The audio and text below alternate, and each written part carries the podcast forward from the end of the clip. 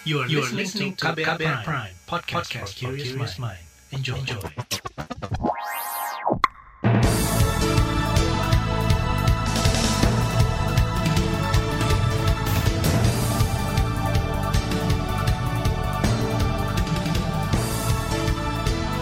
Selamat pagi saudara, jumpa lagi di program Buletin Pagi edisi Selasa 30 November 2021. Saya Naomi Liandra.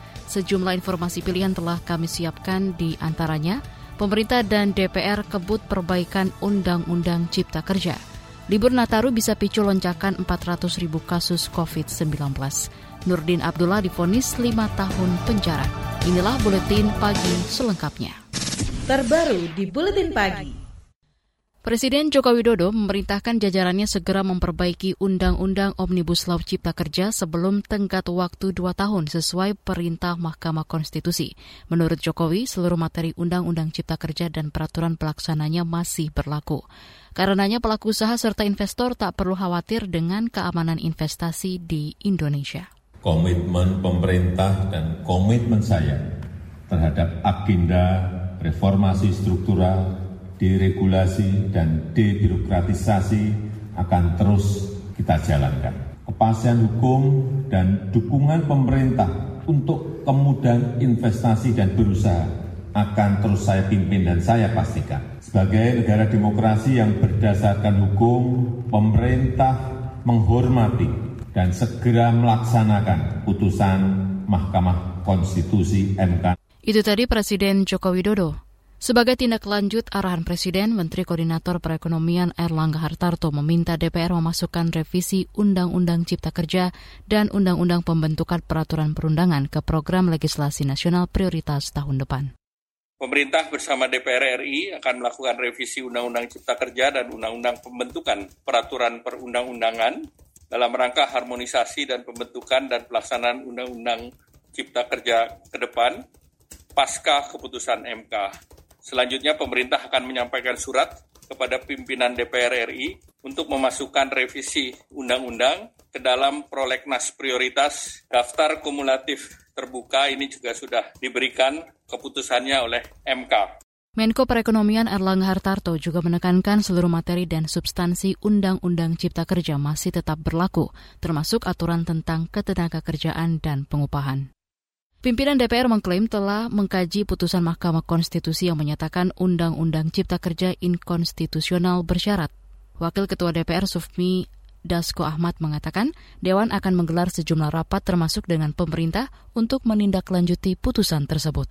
Bahwa selama beberapa hari eh, Badan Kajian DPR sudah eh, membuat kajian dan dalam waktu dekat pimpinan DPR akan mengadakan eh, rapat konsultasi Eh, dengan pimpinan balik dan uh, eh, AKD terkait di DPR. Wakil Ketua DPR Sufmi Dasko Ahmad memastikan akan mempercepat seluruh agenda itu mengingat masa kerja pada tahun sidang ini hanya sampai 15 Desember. Di lain pihak, kelompok buruh mendesak pemerintah dan DPR merevisi materi dan substansi Undang-Undang Cipta Kerja. Yang lebih penting lagi adalah penghentian semua kebijakan terkait Undang-Undang Cipta Kerja dan aturan turunannya, karena sudah dinyatakan inkonstitusional bersyarat oleh MK. Hal itu diungkapkan Presiden Konfederasi Serikat Pekerja Indonesia KSPI Said Iqbal. Menurutnya, pemerintah harus mematuhi putusan MK. Meminta MPR panggil presiden, karena kalau dia melanggar MK, itu bisa di impeachment kan? Itu kan aturan mainnya. Nah, oleh karena itu, yang akan dilakukan oleh buruh dan para pemohon lainnya, kan tidak hanya buruh. Iya. Ada aplik lingkungan hidup, ada migran care, ada macam-macam. Kita akan memastikan agar presiden tunduk pada keputusan MK. Dan yang kedua, menteri-menteri jangan mentafsirkan keputusan MK. Nggak boleh. Yang berhak mentafsirkan keputusan MK itu ya MK itu sendiri. Presiden KSPI Said Iqbal juga mendesak kepala negara mencabut surat keputusan tentang upah minimum provinsi UMP. Ia mengklaim SK pengupahan tidak sah karena mengikuti undang-undang yang cacat prosedural. Pakar Hukum Tata Negara Universitas Pajajaran Susi Dwi Haryanti berpendapat materi dan substansi Undang-Undang Cipta Kerja juga harus direvisi pemerintah bersama DPR.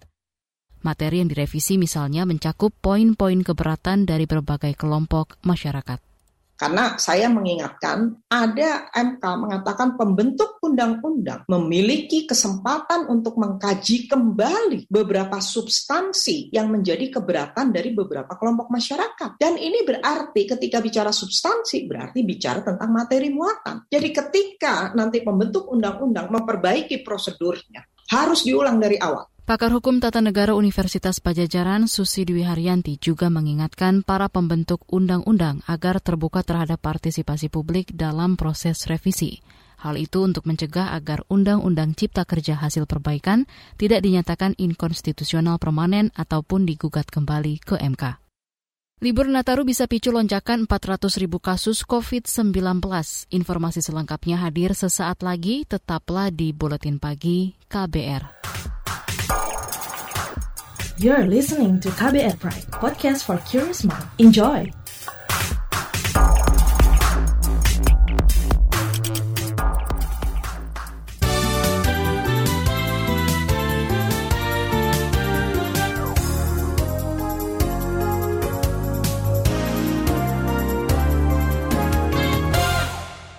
Anda sedang mendengarkan buletin pagi KBR.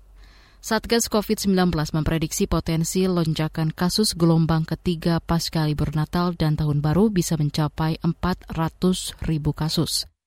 Peningkatan kasus dipicu tingginya mobilitas warga, rendahnya disiplin protokol kesehatan, laju vaksinasi yang lambat, hingga kemunculan varian Omikron yang lebih menular. Hal itu disampaikan Kepala Bidang Data dan Teknologi Informasi Satgas COVID-19, Dewi Nur Aisyah yang warna merah ini adalah pada saat tadi sama herd immunity belum terbentuk, mobilitas tinggi, kepatuhan rendah, muncul varian baru yang lebih menular. Tapi waktu kemarin saya baru masukin angka sekitar 40-50% lebih menular daripada yang ada sebelumnya. Dan memang hasil evaluasi kita gitu ya, dulu kan di sini muncul karena vaksin belum masif. Ini kenapa adalah di sini puncak kita mungkin tidak akan setinggi yang lebih dari ini sebenarnya karena vaksinasinya mungkin sudah jauh lebih luas cakupannya dibandingkan pada saat libur uh, Idul Fitri yang lalu. Jadi kalau yang sekarang naik cuma angkanya mungkin hanya di kisaran sampai dengan 400-an ribu saja.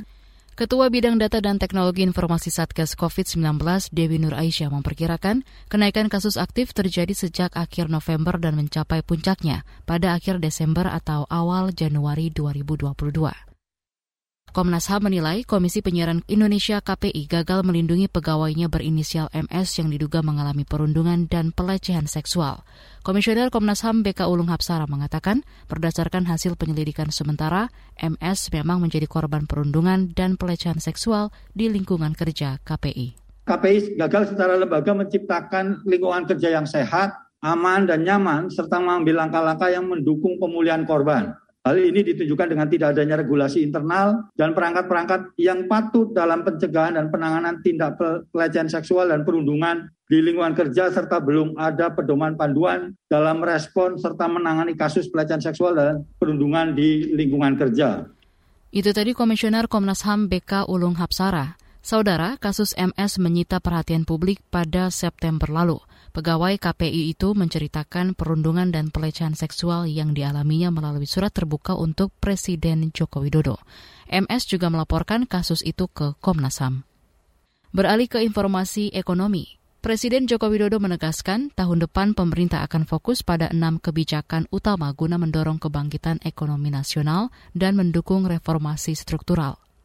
Enam kebijakan itu adalah pengendalian COVID-19 dengan tetap memprioritaskan sektor kesehatan, menjaga keberlanjutan program perlindungan sosial bagi masyarakat rentan, dan peningkatan SDM yang unggul. Keempat, melanjutkan pembangunan infrastruktur dan meningkatkan kemampuan adaptasi teknologi. Yang kelima, penguatan desentralisasi fiskal untuk peningkatan dan pemerataan kesejahteraan antar daerah. Keenam, melanjutkan reformasi penganggaran dengan menerapkan zero based budgeting agar belanja lebih efisien. Kepala negara juga memerintahkan jajarannya untuk mengantisipasi resiko penyebaran COVID-19 yang masih membayangi, terlebih dengan merebaknya varian Omikron di sejumlah negara. Menteri Keuangan Sri Mulyani Indrawati mewaspadai kenaikan inflasi di sejumlah negara maju seperti Eropa dan Cina, sebab kondisi tersebut bisa mempengaruhi harga di tingkat konsumen termasuk di Indonesia.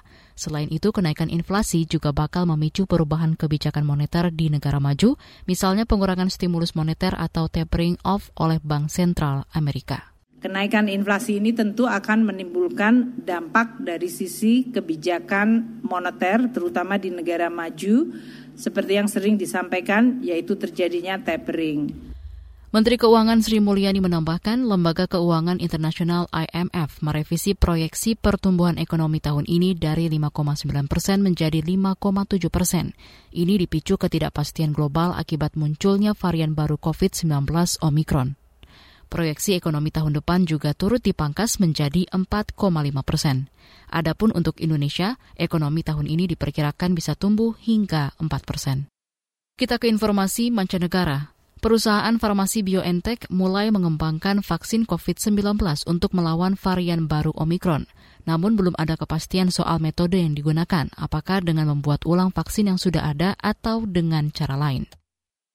BioNTech yang bermitra dengan Pfizer tengah mengumpulkan sebanyak mungkin data hingga dua pekan ke depan. Sementara itu Moderna kini sedang merancang ulang vaksin COVID-19 untuk digunakan sebagai vaksin penguat atau booster. Beralih ke informasi olahraga. Lionel Messi meraih penghargaan Ballon d'Or 2021. Penganugerahannya digelar di Paris Senin malam waktu setempat atau Selasa dini hari waktu Indonesia Barat. Messi menyingkirkan sejumlah bintang lain, di antaranya Cristiano Ronaldo, Robert Lewandowski, Karim Benzema, dan Mohamed Salah. Gelar pemain terbaik ini menjadikan Messi kolektor Ballon d'Or sebanyak dengan mengemas tujuh trofi. Dari Liga Inggris, pelatih asal Jerman Ralf Ragnick kemarin diumumkan sebagai manajer sementara Manchester United. Dalam pernyataannya, Ralf ingin setan merah sukses musim ini. Tugasnya selama enam bulan adalah membantu pemain mengeluarkan semua potensi mereka baik secara individu maupun tim.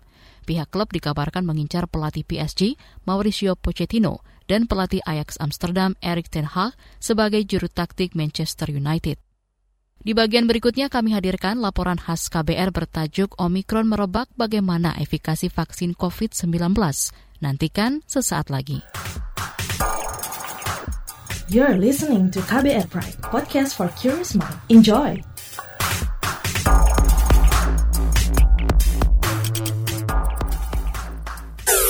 Commercial break.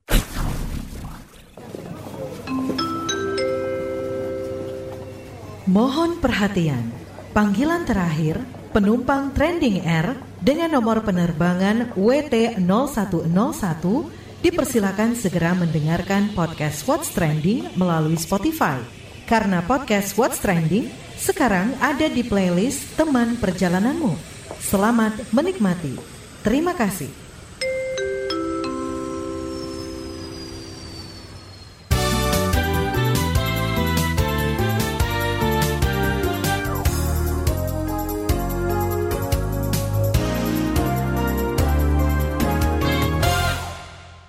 Anda masih bersama kami di Buletin Pagi KBR.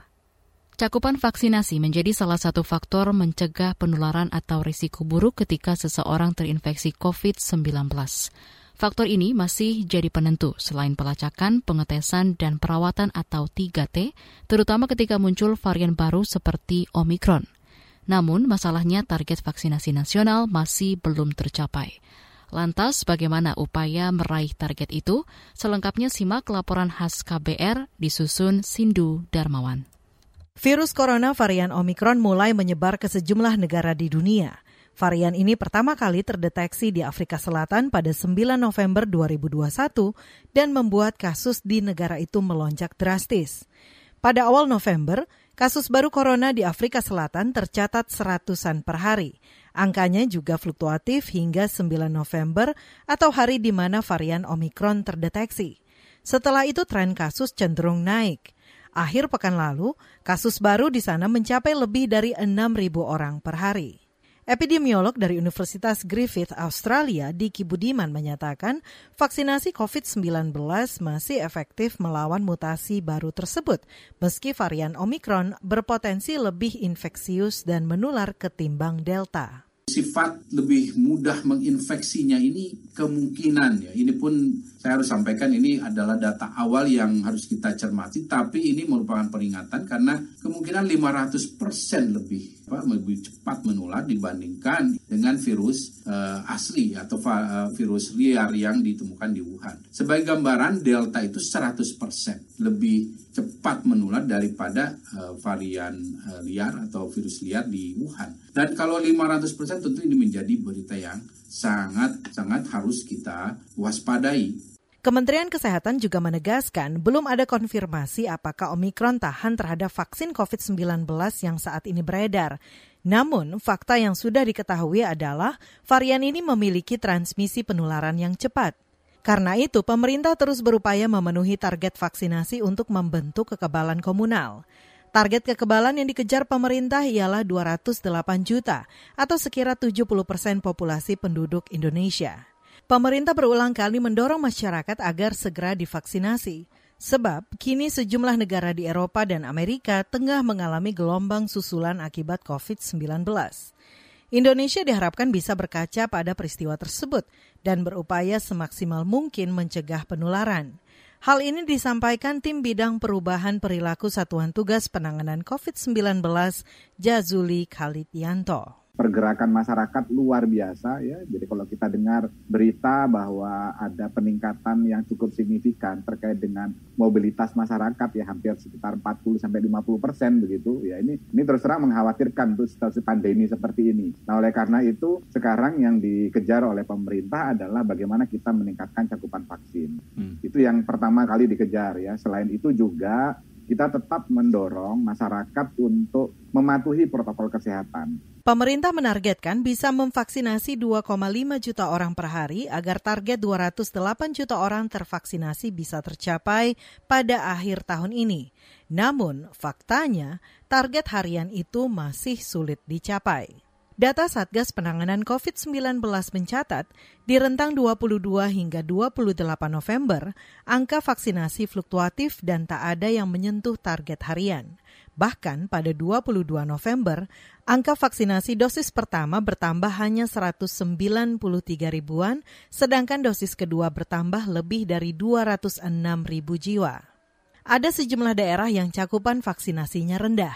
Setidaknya ada empat provinsi yang baru sekira mencapai 18 hingga 27 persen, yakni Riau, Lampung, Sulawesi Tenggara, dan Maluku. Penyebabnya antara lain karena hoax soal vaksin. Selain itu, cakupan vaksinasi untuk lanjut usia juga rendah. Padahal kelompok ini tergolong beresiko tinggi jika tertular. Juru bicara pemerintah untuk COVID-19 Reisa Broto Asmoro melibatkan berbagai pihak termasuk TNI Polri untuk mengejar target vaksinasi. Pastikan cakupan vaksinasi terutama pada lansia tinggi, terutama di semua provinsi dan kabupaten yang masih rendah. Ingat, vaksin dapat menekan angka kematian dan perawatan rumah sakit hingga turun drastis sejak dilakukannya vaksinasi secara gentar gencar di seluruh dunia. WHO menjelaskan bahwa fungsi vaksin tidak hanya diukur dari efikasi, namun dari kemampuan vaksinasi memberikan memori kepada sel tubuh kita untuk selalu membangun benteng pertahanan atau imunitas. Setiap kali virus yang sama bisa masuk datang menyerang kita. Hingga tadi malam, data Satgas COVID-19 mencatat lebih dari 90 juta jiwa warga Indonesia sudah menerima dosis lengkap vaksin COVID-19. Jumlah ini baru 45 persen dari target populasi untuk menghasilkan kekebalan komunal. Sedangkan jumlah penerima dosis pertama tembus 60 persen atau sekitar 138 juta jiwa. Demikian laporan khas KBR, saya Aika Renata. Informasi dari berbagai daerah akan hadir usai jeda. Tetaplah bersama Buletin Pagi KBR. You're listening to KBR Pride, podcast for curious mind. Enjoy!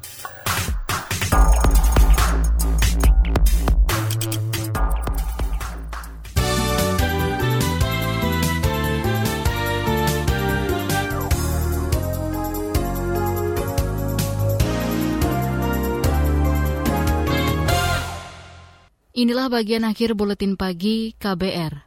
Gubernur Sulawesi Selatan nonaktif Nurdin Abdullah difonis lima tahun penjara oleh Majelis Hakim Pengadilan Tipikor Makassar Senin kemarin. Fonis ini lebih ringan dari tuntutan jaksa selama enam tahun penjara. Nurdin dinilai terbukti secara sah dan meyakinkan menerima suap dan gratifikasi, serta menyalahgunakan jabatan selama kurun 2018 hingga 2021. Selain itu, Nurdin juga dicabut hak politiknya dan diwajibkan membayar utang pengganti lebih dari 2 miliar rupiah dan 350 dolar Singapura. Adapun hak politik Nurdin untuk memilih dan dipilih dicabut selama tiga tahun, terhitung sejak masa hukuman pokok diselesaikan. Kita ke Jawa Barat, Gubernur Ridwan Kamil dituding melanggar otonomi daerah karena meminta kepala daerah merevisi rekomendasi kenaikan upah minimum tahun depan. Besaran upah minimum di hampir seluruh kabupaten kota di Jawa Barat naik di kisaran 3,5 hingga 18 persen. Ketua Konfederasi Serikat Pekerja Seluruh Indonesia KSPI Jawa Barat, Roy Jinto mengatakan tindakan gubernur merupakan bentuk intervensi. Artinya semua itu sudah dipertimbangkan oleh bupati wali kota masing-masing sehingga dia rekom. Kalau yang namanya gubernur sekarang mengintervensi pemerintah daerah, secara otomatis berarti dia melanggar kewenangannya yang tahu persoalan daerahnya kan bupati wali kota kan gitu. Ketua KSPSI Jawa Barat, Roy Jinto Ferianto, menduga Gubernur Ridwan Kamil bersikuku menggunakan sistematika pengupahan dari Undang-Undang Cipta Kerja. Padahal pekan lalu, Mahkamah Konstitusi memutuskan undang-undang itu cacat formil dan inkonstitusional bersyarat. Kemarin ribuan buruh berunjuk rasa di depan kantor Gubernur Jawa Barat. Mereka menuntut segera disetujuinya besaran UMK 2022 sesuai rekomendasi pemerintah daerah. Kita ke Papua. Kota Jayapura menempati urutan kedua kasus malaria tertinggi di Papua, di bawah Kabupaten Mimika. Kepala Dinas Kesehatan Kota Jayapura, Ninyoman Sri Antari mengatakan, kasus positif malaria di ibu kota itu sudah tembus 60 persen. Artinya, ada 400 orang yang sakit malaria per seribu penduduk.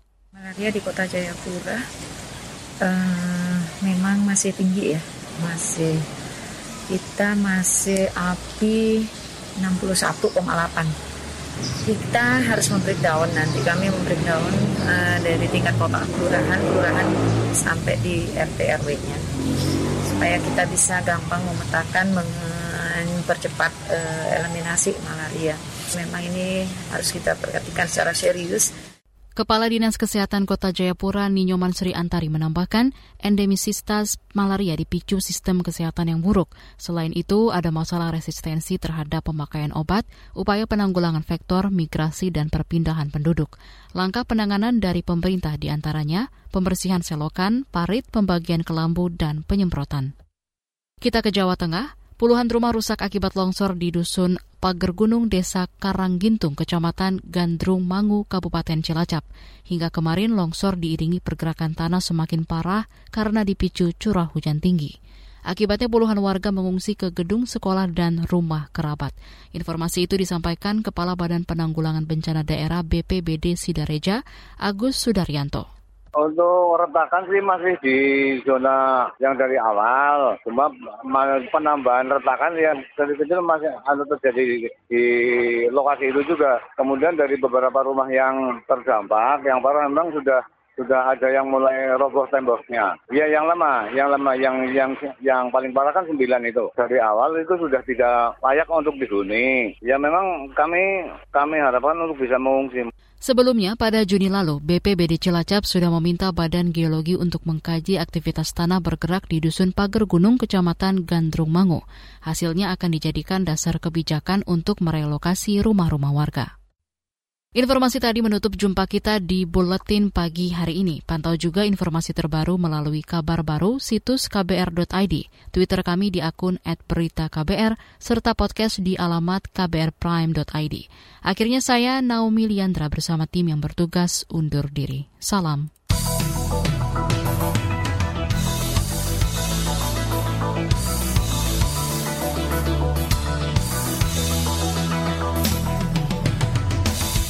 KBR Prime, cara asik mendengar berita. KBR Prime, podcast for curious mind.